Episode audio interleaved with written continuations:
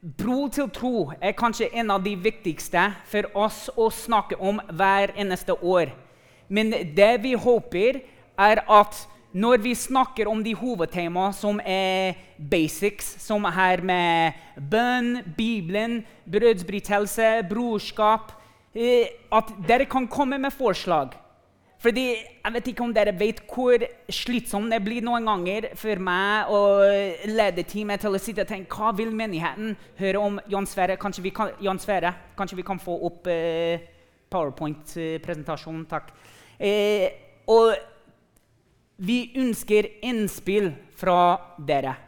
Vi ønsker å høre hva er det viktig for dere å høre om. Vi ønsker å treffe dere med Guds ord. Vi ønsker å hjelpe dere å få eh, et fremskritt eller et løft i det forholdet med Jesus Kristus.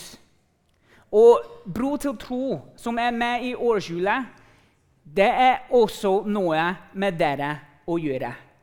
Fordi det er ikke bare liksom, hva kan jeg gjøre å hjelpe folk komme til tro på Jesus. Hva kan jeg gjøre for å invitere folk til kirka? Hva kan jeg gjøre for å bygge en atmosfære eller en menighet som folk er liksom stolt av og vet hva kommer på en måte å skje hver eneste søndag? En type trygghet hvor folk kan invitere med seg noen venner hit. Jeg ønsker at hvert år, hver eneste søndag, faktisk, når folk kommer til kirka, at de opplever at vi har en sterk tro på Jesus. At Jesus er sentrum i det vi snakker om. Er sentrum der vi, der vi lever livet vårt, og at vi kan vandre sammen med andre mennesker gjennom den prosessen å ta imot Jesus i sitt liv. Samtidig er vi villige, vi er villige til å hjelpe folk komme til et punkt der alle må ta et valg. Fordi det er det jeg tror handler om. ikke sant? At vi må ta et valg og stole på Jesus og ta imot han i livet vårt som vår frelse, vår Herre, eller ikke. Og jeg tenker det er flotte folk fra den eldre generasjonen til den yngre generasjonen som lever det livet som er så tett på Jesus. Gedidia, kan du komme hit, vær så snill? Her, her, er en ung dame faktisk, som stiller opp hver eneste søndag. Som spiller i lovsangstime. ikke sant, Jedidia? Du har gitt livet ditt til Jesus. Hun elsker Jesus. Hun snakker om Jesus, forteller andre om Jesus. Hun har noen ganger liksom søndagsskole eller bibeltimer for noen av deres naboer som er litt mindre enn deg. ikke sant, Jedidia? Og du forteller dem historier ut fra Bibelen og disippelgjør dem. Ja, herlig. Herlig. Så uh, ja, ja, vi kan bare klappe, for hun syns det er veldig imponerende. Men jeg har invitert Jedidia her. Hun er, hun er, en venn til Elisabeth, men er, du er også min venn. ikke sant, Jedidia? Ja, jeg krysser fingrene. Jeg, jeg, håper det. Men uh, Jedidia, Hvorfor stoler du på Jesus som din frelser? Fordi han ga sitt liv for meg og sto opp igjen ja. og, og viste sin kjærlighet. Ja, og viste sin kjærlighet. Og det er liksom veldig bra at du snakker om kjærlighet. fordi Har du noen gode tips som du kan gi oss som voksne mennesker fordi jeg syns du er veldig flink å vise Guds kjærlighet til andre mennesker. Men hva kan vi som mennesker gjøre for å vise Guds eller Jesu godhet? Gjør, si, nei, gjør som Jesus gjorde og sa. Ja, gjør som Jesus gjorde og sa. Hvis vi slår opp i Bibelen, vi leser om Jesus, ikke sant? og vi kan lese hva han har gjort, hva han har sagt, og vi kan implementere det i livet vårt og gjør akkurat det samme. Så eh, liksom, han ga sitt liv for oss.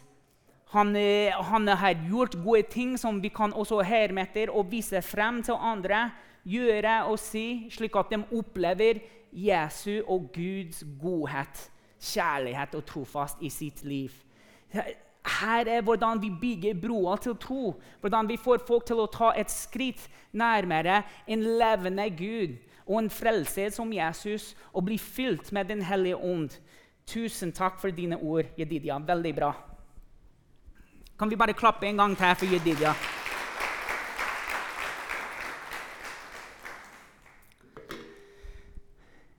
Men når vi tar imot Jesus, det forandrer Det, for, det forandrer våre gjerninger, våre tanker, hvordan vi lever dette livet.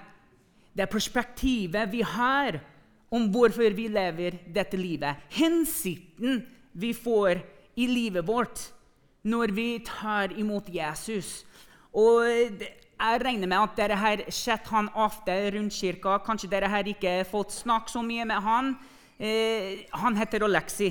Oleksi, kan du komme opp, vær så snill? Oleksi har kommet fra Ukraina for eh, noen år tilbake. Nei, det stemmer ikke. To år, kanskje. ja. Og han skal dele kort med oss om eh, hans trosreise til Jesus, og hvordan andre mennesker, her ett menneske, har spilt en stor og kjempeviktig rolle i hans reise. Vær så god, Lexi. Listen there. Э, Меня зовут Алексей, мне 37 лет. Э, Я пришел к Богу 6 лет назад. Мне на тот момент было 31. Э, Но моя жизнь, она казалась разбитой. Я не хотел жить.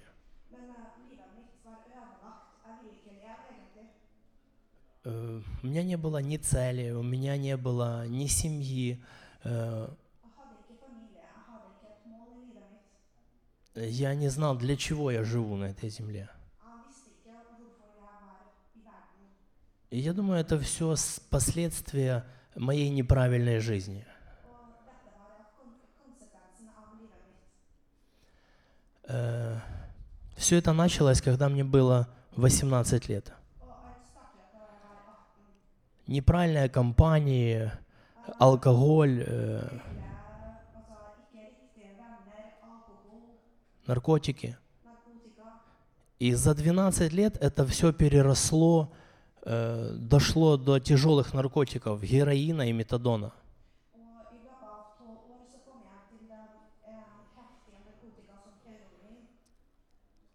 Я метадон.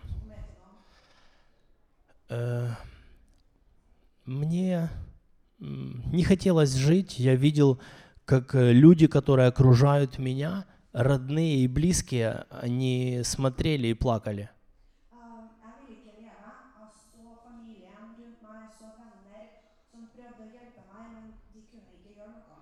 Но сам я никак не мог выбраться из этого рабства.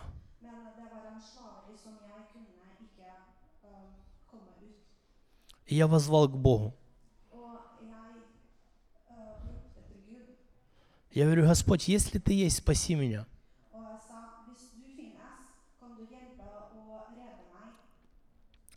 И так получилось, э, что на следующей неделе я оказался в церкви.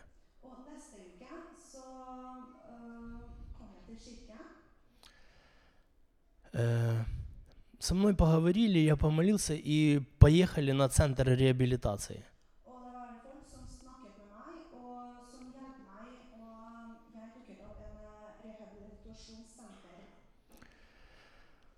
Э, там у меня появился э, наставник, э, лидер. Вы его можете видеть на фото. У него тоже был такой же путь, как у меня, только еще сложнее.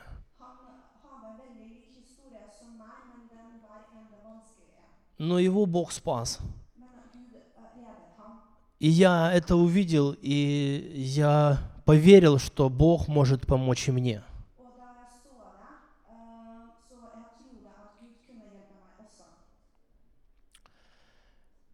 Я э, делал все, что говорил мне э, наставник, я э, научился жить по-другому.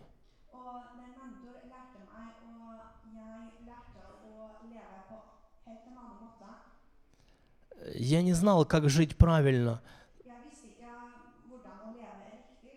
потому что жить в Боге и жить в миру – это разные правила, разные э, отношения.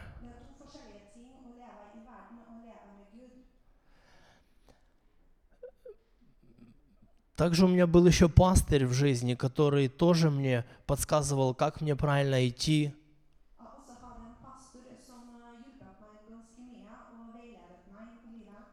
Они научили меня молиться, они научили меня читать Слово Божие. Они подставляли мне плечо, когда мне было тяжело. Э, я хотел сдаться, бросить это все, потому что я знал, как можно жить по-другому.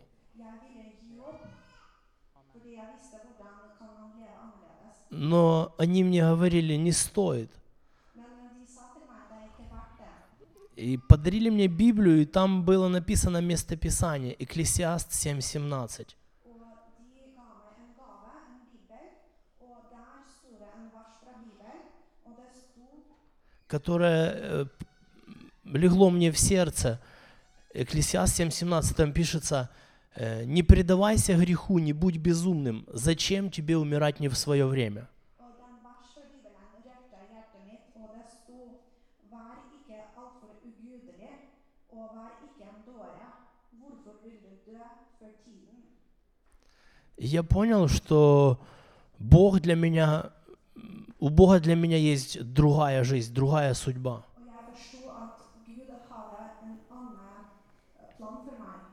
Eh. Э, Я очень благодарен Богу за тех людей, которых э, Бог ставит э, впереди нас, за лидеров, за пастырей.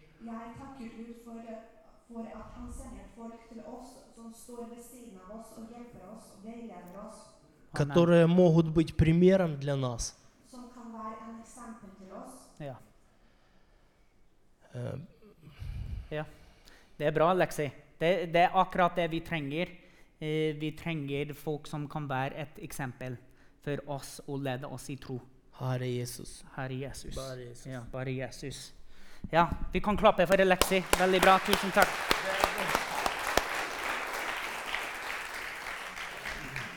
Jeg skal ikke stå her veldig mye i dag og liksom forsyne mine tanker og mine ord om bro til tro. Det er så viktig at vi får høre, at vi får se hvordan mennesker, hvordan Gud bruker mennesker som oss, vår tro på at Jesus gir oss et håp. Vi har et veldig viktig ord i hebreerne. Eh, kapittel eh, 11, vers 1. Tro er full tilgitt til det en håper på. Alexi, til og med meg og flere andre, vi, vi, vi trengte et håp. Hva, hva er det vi håper på? At livet skulle forvandle seg. Men hvordan kan livet forvandle seg om vi ikke får høre om noen, noe som kan forandre livet vårt? Det er en overbevisning om det en ikke skjer. Her, her er det litt merkelig, fordi Paulus snakker om en ting som vi ikke ser.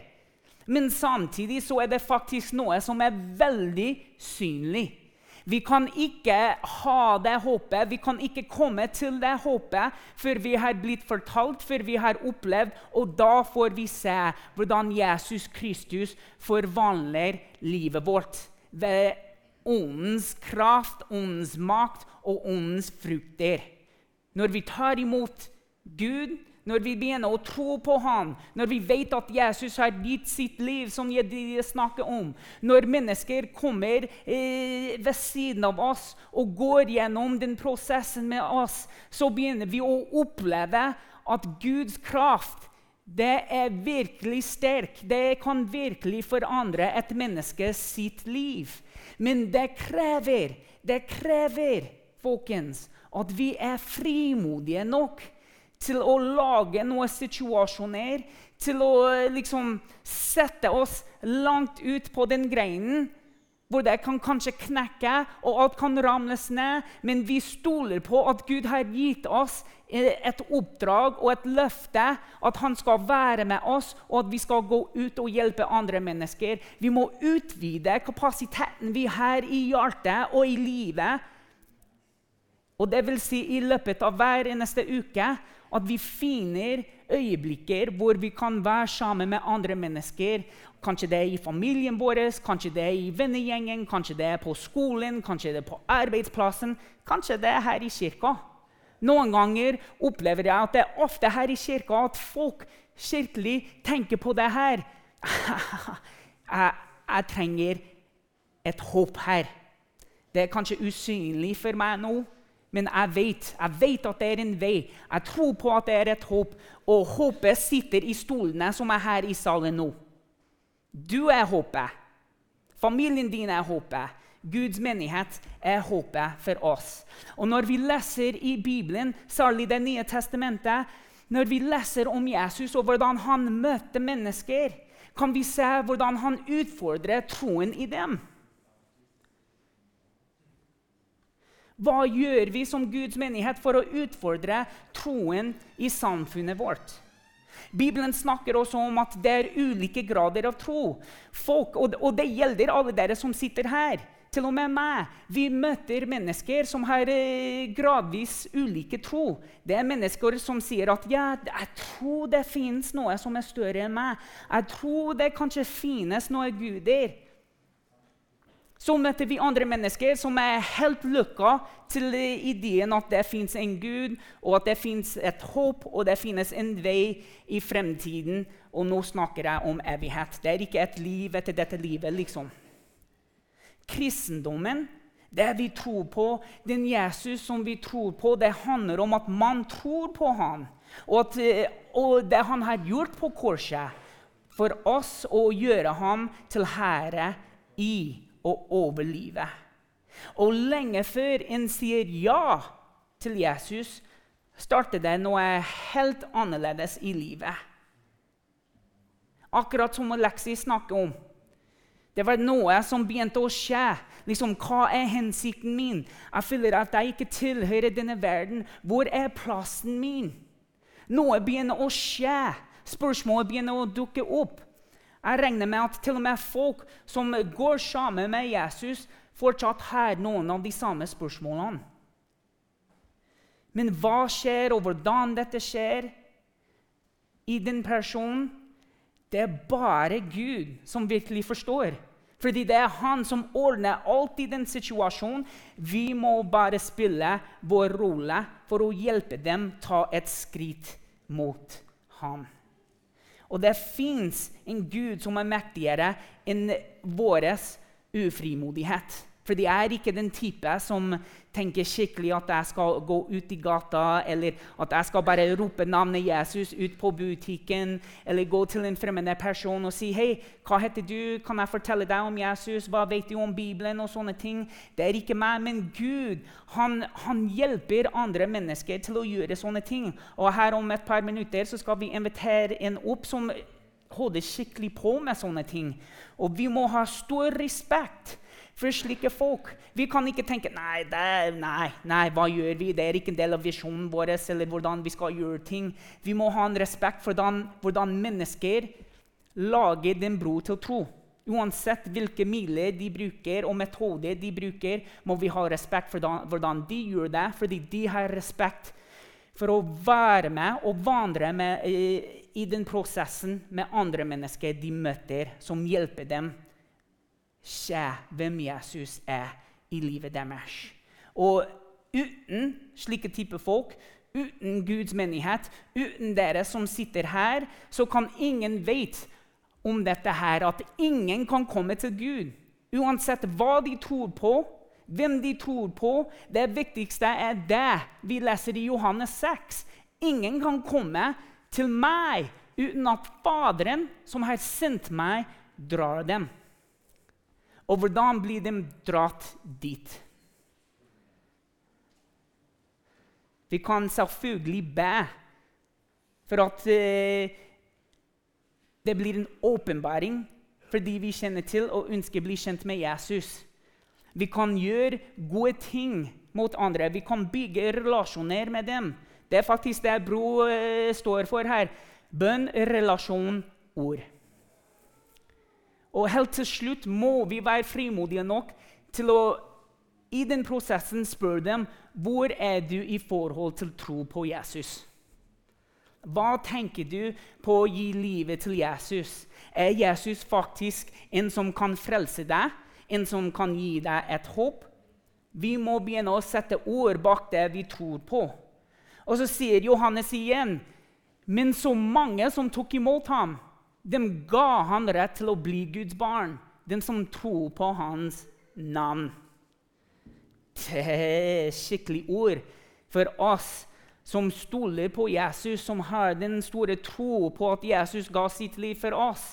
Det er noen nyheter som vi må fortelle andre mennesker.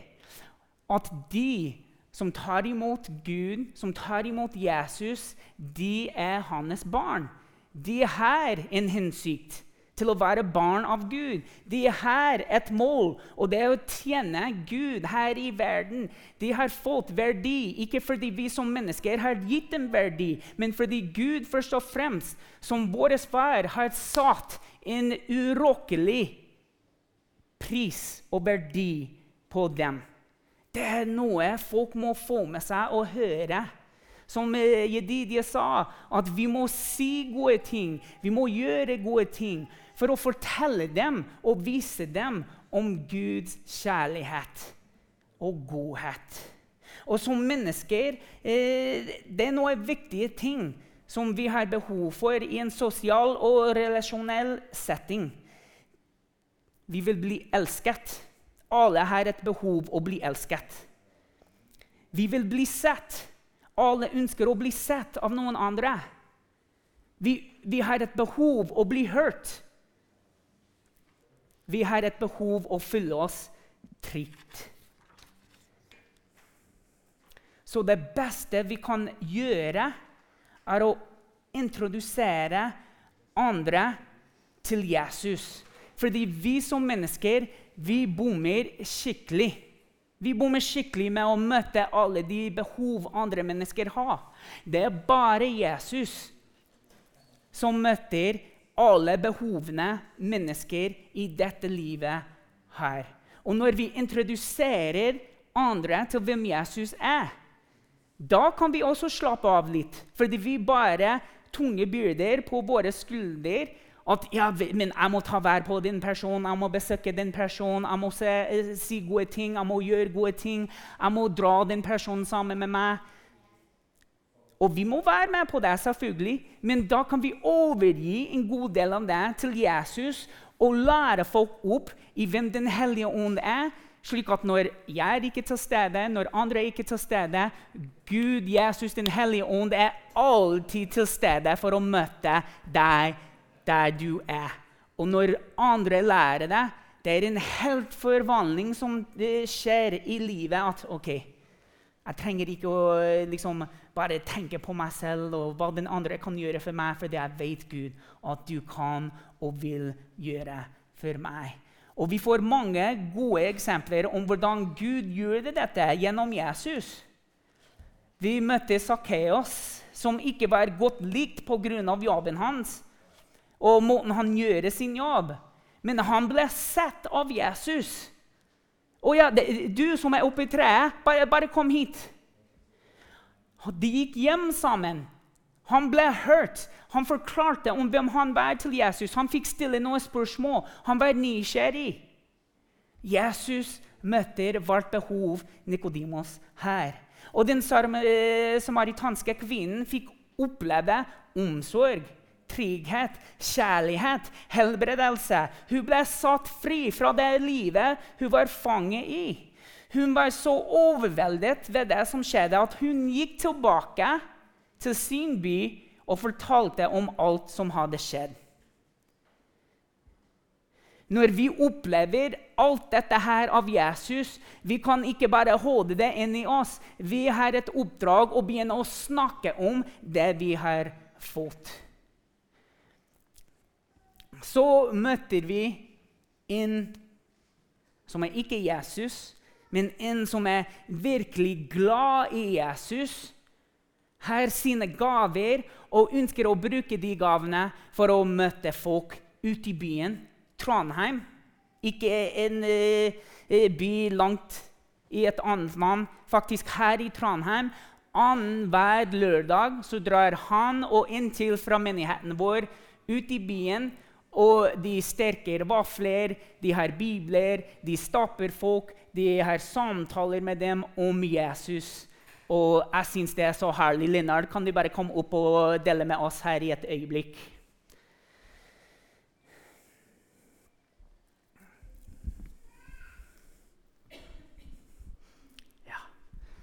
Jeg har eh, fortalt litt om eh, hvordan dere kommer i samtale med folk med vaffelsteking og kaffe og en stand og sånne ting. Men eh, hvordan kommer du bort til folk og sier hei, kan, kan jeg snakke med deg om Jesus? Eller hvordan gjør du evangelisering i byen?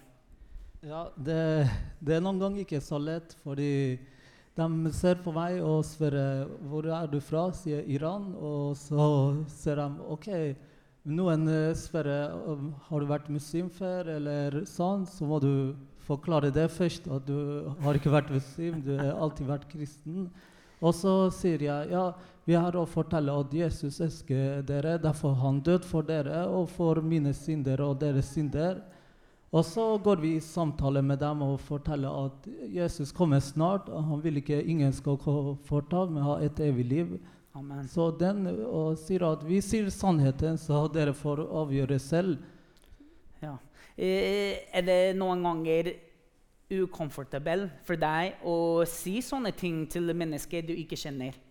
Uh, ja, for, uh, for, det første, når jeg begynte først, jeg var veldig sjenert. Jeg kunne ikke se på folk. Jeg var redd å se på dem. Men en dag jeg gikk i rommet, sa Gud, gi meg, um, gi meg frimodig, gi meg kraft å gå ut og snakke om ditt navn. Og så Jeg husker før at mange sa til meg Lennart, hvem har du frelst i nå? Jeg tror det blir ca. ti år jeg har gjort det her. Og så mange sier, hvem har du frelst, hvem har du gjort til kristen? En dag jeg, hadde, jeg ville gi opp håpet mitt. Jeg sa nei, det går ikke mer. Jeg vil ikke gjøre det her, fordi det, det er ikke lett. Det er masse kamper, masse eh, kamp ut. Og så, Ja. Jeg husker en natt jeg lå og sov, og så kom et lyd til meg sa ropte navnet mitt tre ganger. 'Lennart, Lennart, de har kalt deg i det her. Du skal fortsette.' Og fra den stunden jeg sa 'ingen skal stoppe meg', jeg skal ut og forkynne hans navn. Hvor, hvor, hvorfor er dette arbeidet viktig for deg, Lennart? Det er viktig fordi eh, hvis vi ser eh, nøye i Bibelen Han sier 'gå ut og gjør folk til mine disipler', gjør dem til folkeslag. Og mange tenker ok, Lennart eh, er leder, da. Jeg kaller ikke meg leder fordi vi alle er disipler. Og med, jeg har nøkkel til Salem, eller jeg som styrer den, den kan ikke ta meg til himmelen. Det viktigste er at uh, hva vi gjør, den er viktigst. Å gå og fortelle folk og ta dem ut fra mørket og ta dem til Guds lys. Den er viktigste av alt. Ja. Amen. Tusen takk, Leonard.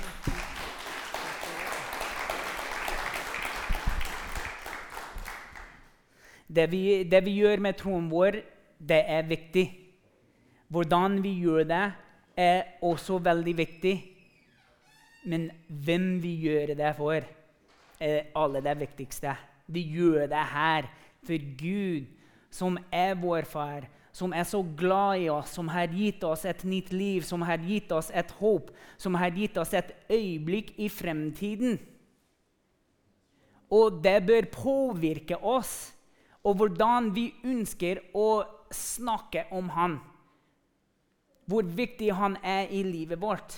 Og jeg kjenner meg veldig godt igjen i det Lennart sier. Kanskje flere av dere også at det uh, kan være litt uh, skremmende. Kan være litt redd og sjenert til å se folk i øynene og stille noen spørsmål og snakke om vår tro. Og uh, som Lennart sa, bare ba om frimodighet. Og sier det er ikke alle som er skapt for å gå ut i byen. Ikke alle som har de evnene til å gjøre det. Men alle kjenner noen som du tenker på nå, kanskje. At den personen bør jeg begynne den samtalen med. Den personen kjære jeg som er i den prosessen. Gud kaller deg til å være frimodig og si noe til han eller hun om hvem Jesus er, og hva Jesus betyr for dette livet og det livet som kommer. Så er det andre ganger at vi finner oss i en eh, sammenheng hvor det er mange kristne folk. Og å dele troen virker som det kan være veldig lett. Men det er kanskje ikke så lett som man ville tro for å skikkelig disippelgjøre mennesker. fordi ærlig sagt, det, til, eh, det, det også meg, liksom, jeg kan være litt sta. Jeg liker å ha det veldig komfortabel i livet mitt. Jeg liker ikke så ofte å si at nei, du må strekke deg litt lenger og gjøre det her. Du må kanskje faste litt mer eller be litt lenger eller gå og besøke den personen. Eh, jeg trenger folk som kan noen ganger liksom bare dite meg. Og jeg tenker det er en person som er skikkelig bra med det her, og til og med møtte folk liksom innenfor den kristne sammenhengen hvor eh, det kan også være folk fra andre religioner og bakgrunner og er veldig frimodige til å bare si vet du hva, det her er det vi tror på, det er det jeg tror på personlig, og bare sier akkurat sånn det er. Og det er Susanna. Eh, Susanna, kanskje du kan eh, komme opp og dele kort med oss? Hvis dere ikke kjenner Susanne så godt, så Susanne hun har gått i PK eh, hele livet sitt, tror jeg. Har vært med å bygge opp eh, flere tjenester her og er med og tjener fortsatt. Men eh, for meg kanskje en av de viktigste tingene du har gjort eh, i hvert fall i det siste året, er å valgt med å danne den nye friskolen. Og ikke bare som lærer og eh, frivillige, fordi det er du også på en eller annen måte, men også som rektor i den skolen. Eh, hvordan er det å møte andre som ikke deler det samme trossynet som vi har som eh, kristne? Hvordan er det å fortelle dem om Jesus? Mm. Ja, jeg vet ikke helt om alt det der du sa, var sant. Eh, men jeg må si at det er jo en eh, større utfordring hver gang jeg har klasser hvor jeg vet at her er det noen som er kristne, her er det noen som ikke er kristen. Det å på en måte ha morgensamling Jeg tenker litt mer gjennom hva jeg skal si. Eh, og kanskje koster meg litt mer på en måte når jeg vet at her er liksom halvparten kanskje ikke fra kristne familier. Eh, men så har jeg også bare bestemt meg, fordi at eh, vi har jo kristen skole, og folk velger oss eh, vel vitende om at vi er en kristen skole. Så derfor har jeg tenkt at det her er jo virkelig grunnen til at vi har kristen skole. Så da har jeg bare valgt å være veldig tydelig, også f.eks. For på mm, foreldremøter, og si at det her og det her og det her, det gjør vi. Og tenke at, at den påvirkninga som, som, er på den skolen her, det må de bare være klar over at, at den kommer. da. Så jeg tenker at i hvert fall, Jeg er jo litt heldig sånn sett at jeg er i den jobben som jeg er, for jeg vet ikke om jeg hadde vært like frimodig ellers. Men der har jeg på en måte muligheten da, til å velge å være frimodig, og det, det syns jeg vi, vi, gjør da, ja. på skolen. Og Hva tenker du vi som eh, mennesker, vi som menigheten, kan gjøre for å uh, fortelle eller være litt mer frimodige og snakke om Jesus? Mm. Ja, Det er et godt spørsmål. Det er ikke, det er ikke lett. Jeg syns ikke det er sånn kjempelett å liksom komme og si uh, og dele om, uh, om tro, med mindre det er litt naturlig. Eh, sånn at hvis vi kommer inn på det, så klart, da må man bare kaste seg litt på hvis man kommer i, i den situasjonen at man snakker om tro. Eh, og så tror jeg at man kan skape seg situasjoner også, hvis man på en måte tenker at ok, men det her er noen som jeg har veldig lyst til å dele min tro med. Eh, så må man kanskje rett og slett planlegge det litt, eh, hvordan man kan komme inn på det temaet. Eh, og så tenker jeg at folk må jo bare få velge sjøl, så klart. Og, og også hvis man er litt åpen om hva man tror på, at folk vet sånn her, ok, men det her er en kristen person, eh, så håper jeg jo at også livet på en måte kan, kan, eh, kan si noen ting, og de tingene man gjør. Eh, men jeg tror at man også må bruke ord. Ja. Jeg tror også at man må, må, rett og slett si det. Og ja, hva har du gjort i helga? Ja, nei, jeg var nå i kirka, f.eks. Og, og da snakka vi om, eh, om bro til tro, f.eks. Og jeg syns det er veldig fint med ja, at man kan bare komme inn på det litt litt sånn naturlig gjennom helt vanlige samtaler. Eh, det tror jeg kanskje kan være en ting. da. Ja, amen. Takk, Susanna.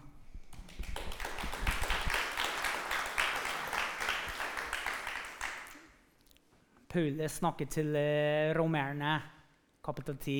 Men hvordan kan de påkalle en som de ikke er kommet til å tro på?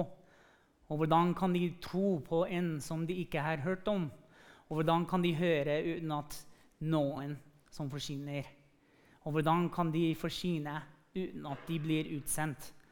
Som skrevet står, hvor fagre deres føtter er som bringer fred, som bringer et godt budskap. Dette oppdraget vi har fått fra Jesus, handler om å by på oss selv og det vi har fått ved å oppmuntre og be for folk. Og rett og slett være en god venn. Kanskje det er det færreste her som sitter i salen i dag, som gjør som Lennart og Maggie gjør, og løper ut på gatene og stapper vilt fremmede for å snakke om Jesus. Men likevel, hvordan du er kalt for å fortelle andre om hvem Jesus er, og hvordan han kan forvandle livet, det er gjennom dine opplevelser, det er gjennom ditt liv at du deler erfaringer, slik at du kan lede mennesker nærmere en levende tro på Jesus. Så midt i hverdagen, i hjemmet, på jobben, på studiestedet, kan dette skje. Ikke la det gå forbi. Vær frimodig. Gud vil at vi skal bry oss og gjøre plass i livet vårt for nettopp de som dukker opp i det. Vi er en del av folk sin trosreise. Vi er en del av denne bro til tro.